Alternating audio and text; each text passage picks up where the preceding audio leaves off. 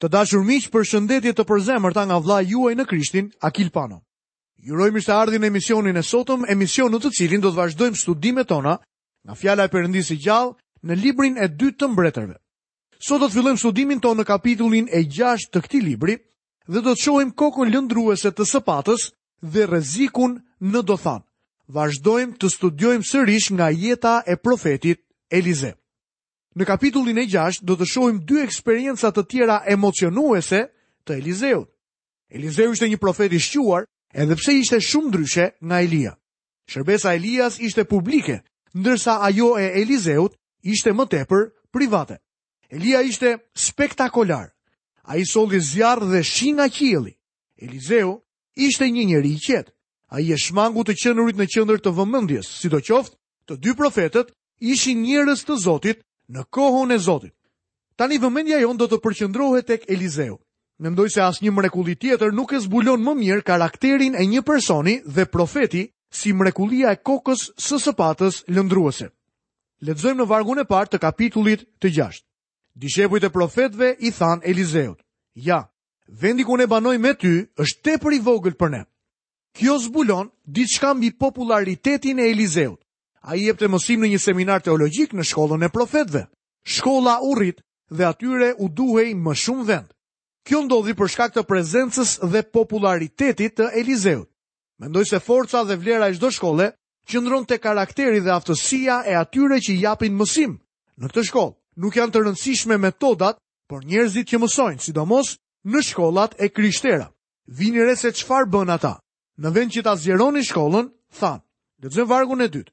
Na lër të shkojmë deri në Jordan, atje secili prej nesh do të gjejë një tra dhe do të bëjmë një vend për të banuar. Elizeu u përgjigj.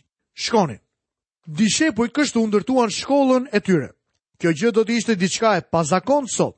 Sot studentëve u duhet dhënë gjithçka që të shkojnë në shkollë dhe nëse ka diçka që nuk shkon, rebelohen. Por këta studentë shkuan të punonin dhe Elizeu i inkurajoi. Lexojmë poshtë në vargun e tretë. Njëri prej tyre tha, të lutem prano të vish dhe me shërbëtorët e tu. Ai u përgjigj, do të vij. Ky varg është shumë emocionues, është një depërtim në karakterin tërheqës të Elizeut. Kjo zbulon se ai ishte i afërt me dishepujt. Meqë ra fjala, a ka ndonjë student që do të jetë me mësuesin edhe jashtë mureve të shkollës? Të gjithë preferojnë që jo, por këta djem i kërkuan Elizeut që ai të vinte me ta. Lexojmë vargun e katërt. Kështu ai shkoi me ata. Kur arritën në Jordan, filluan të presin disa drurë. Tani një tragjedi e vogël zë vend, them e vogël sepse zakonisht askush nuk do ta quante këtë një incident të parëndësishëm. Lexojmë vargun e 5. Ndërsa njëri prej tyre po i binte një trungu, hekuri i sopatës i ra në ujë. Ai filloi të bërtasë dhe tha, O, o im Zot, këtë e kisha marrë hua. Këtu shohim diçka shumë interesante. Zoti interesohet për çdo gjë të vogël në jetën tonë.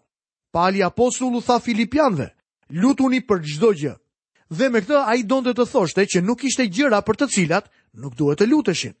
Humbja e sëpatës mund të na duket e pakuptim, por ja që nuk ishte e tillë për këtë student të varfër. Për të, kjo nuk ishte diçka e vogël. Për ne sot, që mund të shkojmë në një dyqan veglash dhe të gjejmë mbi 50 lloje të ndryshme sëpatash, kjo nuk duket edhe aq e rëndësishme. Por në atë kohë ishte vërtet shumë e rëndësishme sepse të gjitha llojet e veglave prej hekuri ishin të pakta. Nëse doni të mësoni diçka për atë periudhë, vini re vetëm një varg nga libri i parë i Samuelit, i cili thotë: Kështu ditën e betejës nuk shihje as sëpatë, as shtizë në duart e tërë njerëzve që ishin me Saulin dhe me Jonathanin, ato i kishin vetëm Sauli dhe Jonathani, biri i tij. Vetëm dy shpata për një ushtri të tërë. Kjo tregon diçka për numrin e pakët të armëve dhe veglave në atë kohë. Kështu mund të kuptoni se humbja e një sëpate ishte diçka shumë e rëndësishme për këtë djalë, aq më tepër që nuk e kishte as të tijen, por e kishte marrë hua. Kam zbuluar se shumë komentatorë të Biblës e kritikojnë këtë student, e kritikojnë atë për pakujdesshmëri dhe për faktin që kishte marrë diçka borxh. Por nëse ky djalë ishte fajtor, përse Elizeu mësuesi i tij nuk e qortoi? Elizeu nuk e bëri këtë. Ai e fali atë nga çdo detyrim. Ky djalë në fakt nuk ishte i pakujdesshëm. Me sa duket, ekzistonte rreziku që koka e sëpatës të dilte, dhe kjo kishte ndodhur aq shpesh saqë Zoti e përfshiu në Ligjin e Moisiut. Në ligjin e Moisiut, në ligjin e përtërirë, pra në këtë libër, në kapitullin e 19, vargun e 4 dhe të 5, shohim të dokumentuar këto vargje. Dhe ky është rregulli për vrasësin që strehohet aty, që të shpëtojë jetën e tij, kushdo që ka vrarë të afërmin e tij, pa dashje pa e urryer më parë. Kështu kur dikush shkon me shokun e tij në pyll për të prerë dru, dhe ndërsa i bie një druri me sëpatë, sëpata del nga bishti dhe godet shokun që pastaj vdes, ai person do të strehohet në një nga këto qytete dhe do ta shpëtojë jetën. Zoti e vuri këtë ligj sepse me sa duket ishte diçka që ndodhte shpesh. Ky djali tregoi që ishte i kujdesshëm sepse në vendin që po priste dru nuk ndodhej askush. Ai kishte gjetur një vend të tillë që edhe nëse do të dilte koka e sëpatës, nuk do të vriste njeri, por do të binte në lumin Jordan. Ai e kishte drejtuar atë në një vend të sigurt. Gabimi i dytë që gjejmë tek ai është fakti që kishte marrë borxh. Unë mendoj se ky i ri ishte një student i varfër dhe nuk mund të blinte një sëpatë në atë kohë. Ashtu siç nuk mund ta kisha unë një Cadillac kur isha në shkollë. Nuk mund ta blinte dot, kështu që iu desh ta merrte borxh. Nuk mendoj se ky djalosh duhet kritikuar për këto dy pika. Në fakt unë kam një pyetje. Kush ia kishte dhënë hua këtij studenti një sëpatë të cilës i dilte koka? Ky është personi për të cilin dua të flasim. E marr me mend se është i njëjti lloj personi që sot u jep misionarëve rroba të dorës së dytë dhe kartolina të vjetra Krishtlindje dhe mendon se po i shërben Zotit. Tani ky djalë ishte i shqetësuar që nuk mund ta kompensonte dot pronarin e sëpatës. Ai nuk mund t'i dilte dot përpara pa sëpatën dhe nuk dinte çfarë të bënte. Tani vini re shqetësimin e Elizeut. Njeriu i Perëndisë pyeti ku ka rënë. Le të ndalemi këtu për një moment sepse ka pasur nga ata që kanë thënë. Pse e bëri Elizeu atë pyetje përderisa ishte profet? Ai do ta kishte ditur se ku kishte rënë koka e sëpatës. Ai e dinte jo vetëm këtë, por edhe diçka tjetër. Ai dinte se duhej ta testonte këtë student të ri. Vini re se ky djalë i ri e dinte saktësisht se ku kishte rënë koka e sëpatës në ujë. Mos më thoni se ishte i pakujdesshëm. Elizeu nuk po e bën këtë gjë vetëm për ta testuar këtë djalë të ri, por edhe për një arsye tjetër. Shpirti i Perëndisë e dinte se në shekullin e njëzet e një do të kishte kritikë të kësaj mrekullie që kanë hedhur poshtë çdo mrekulli tjetër dhe mund të thonin, e po uji ishte i pastër dhe kushdo mund ta shihte se ku ishte. Pyetja që bëri Elizeu e parandalon çdokënd të thotë se uji ishte i pastër. Nëse keni lexuar ndonjëherë ndonjë gjë për lumin Jordan, besoj se e dini se është një lum i turbullt. Kam dëgjuar shumë gjëra romantike dhe të mrekullueshme për atë lum, por jam zhgënjyer shumë kur e kam parë. Jordani është një lum i vogël, i turbullt dhe i pisët. Për shkak se ishte i turbullt, Elizeu tha, ku ka rënë? I riu e dinte me saktësi se ku kishte rënë, por nuk mund ta nxirrte sepse nuk e shihte. Uji nuk ishte i pastër. Vini re se çfarë ndodh. Lexojmë poshtë nga vargu 6. Njeriu i Perëndisë pyeti, ku ka rënë? Ai tregoi vendin. Atëherë Elizeu preu një copë druri e hodhi në atë pikë dhe nxorri në sipërfaqe hekurin. Kjo është një mrekulli dhe nuk mendoj se mund ta hidhni poshtë. Kjo është me të vërtetë një mrekulli jo e bujshme, jo aq spektakolare sa ngjitja në qiell me një karrocë të zjarrtë. Është një mrekulli e madhe në thjeshtësinë e saj. Është një mrekulli ku hekuri noton. Kjo është kundra çdo ligji të njohur të fizikës. E kuptoj se që prej ditës që anija e parë prej hekuri u hodh në det, anije prej hekuri dhe çeliku lundrojnë në të shtatë detrat dhe kjo nuk është më një mrekulli. Por miqtë e mi, ishte mrekulli që një kokë sëpate nga fundi i Jordanit të lundrojë në sipërfaqe të ujit, sikur të ishte tapë. E di që nuk është befasuese, nuk është e bujshme, por është e thjeshtë. Kjo është mënyra e Elizeut.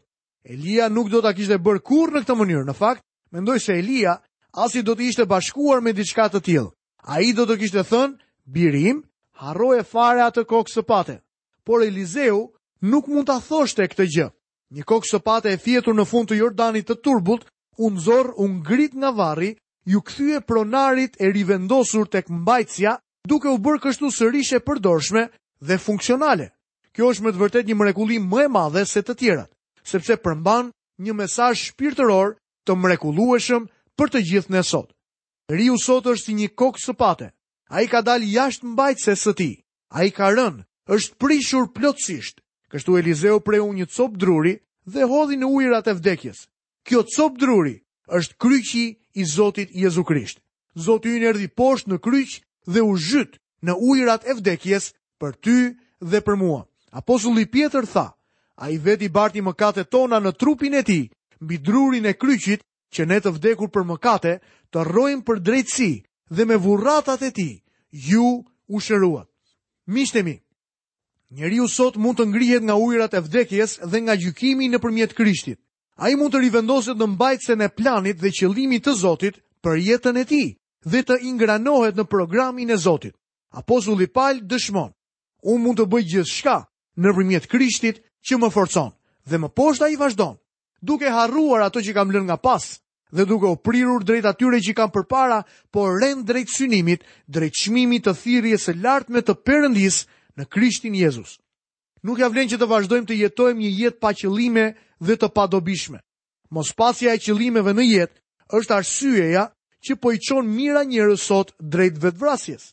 Para pak kohësh një grup studentësh në një kolegj kryen vetëvrasje dhe i gjithë shpjegimi ishte: Jeta nuk ja vlen ta jetosh. Miqtë e mi, sigurisht që nuk ja vlen ta jetosh kur je një kokë e vogël e vjetër sëpate në fund të Jordanit të turbullt. Vetëm kur Krishti ju ngre nëpërmjet kryqit të tij dhe ju rivendos në planin dhe qëllimin e tij, jeta bëhet e vlefshme. Një herë një i ri rreth 21 vjeçar më tha: "Jeta ime, pastor, është katastrofë, një dështim i vërtetë." Dhe unë iu përgjigja: Jeta jote nuk ka filluar dhe ti më flet për dështim? Sa nevojë kemi për Zotin sot? Mrekullia më e madhe sot miqtë e mi, nuk është të shkosh në hënë, nuk është as të ngjitesh në qiell me një karrocë të zjarrtë. Mrekullia më e madhe është të shkojmë në qiellin më të lartë, ndërsa jemi akoma mëkatarë dhe i kemi besuar Krishtin. Kjo është mrekullia më e madhe, të ngrihesh nga ndyrësia, moçali i kësaj bote dhe jeta jote të ketë kuptimin dhe të jetohet për Zotin. Lexojmë poshtë në vargun e 7. Pastaj tha: Merre. Kështu ai shtriu dorën dhe e mori. Gjithçka që duhet të bëni është të kapni dorën e besimit sepse Krishti vdiq për ju. Ai u ringjall sërisht në mënyrë që të mund t'ju ngrejë lart edhe juve. Ajo që duhet të bëni është t'i besoni Perëndisë. Episodi tjetër, i cili do të fillojë me një tingull shumë të njohur, i ngjan artikullit të një gazete të mëngjesit. ndërsa mbreti i Sirisë ishte në luftë kundër Izraelit. Kjo luftë kishte kohë që kishte filluar, madje edhe për atë kohë, ky ishte një konflikt i vjetër. Konflikti i sotëm ndërmjet Izraelit dhe botës arabe ka një sfond të qartë biblik. Tani vini re situatën. Lexojmë nga vargjet 8 deri 11. ndërsa mbreti i Sirisë ishte në luftë kundër Izraelit, duke u këshilluar me shërbëtorët e tij, ai tha: Kampi im do të jetë në filan vend. Atëherë njeriu i Perëndisë dërgoi t'i thotë mbretit të Izraelit: Mos trego pakujdesi për filan vend, sepse aty po presin sirët. Prandaj mbreti i Izraelit dërgoi njerëz në vendin që njeriu i Perëndisë i kishte treguar dhe e kishte paralajmëruar të tregohej i kujdesshëm. Kështu ai u tregua vigjilent ndaj këtij vendi dhe kjo ndodhi jo vetëm një a dy herë.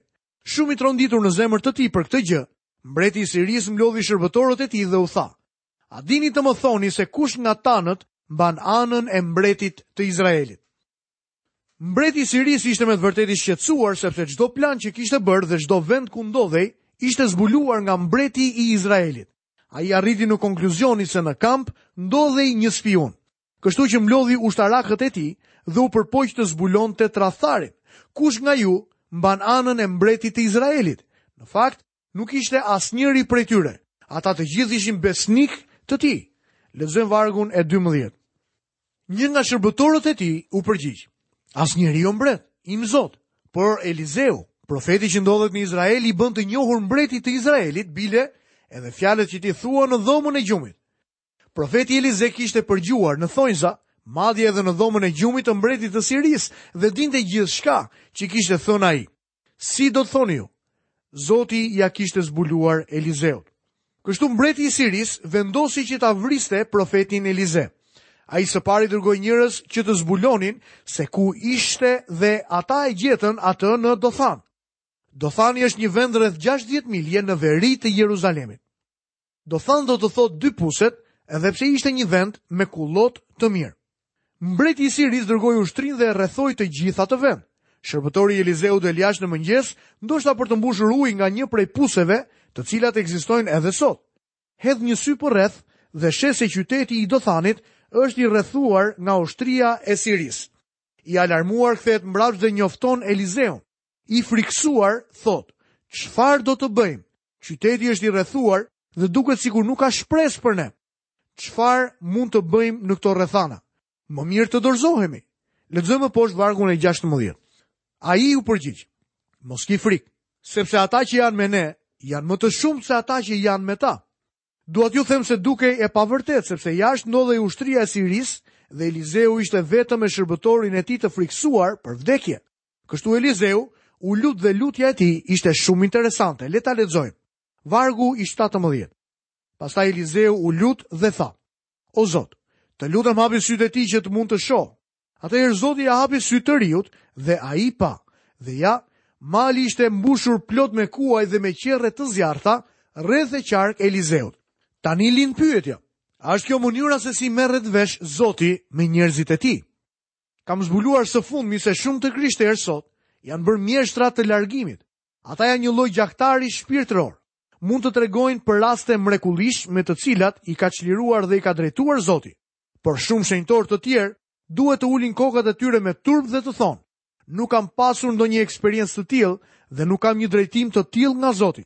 Kjo ndoshta do të thotë se nuk kam kontakt me Perëndinë ose që ai nuk është me mua.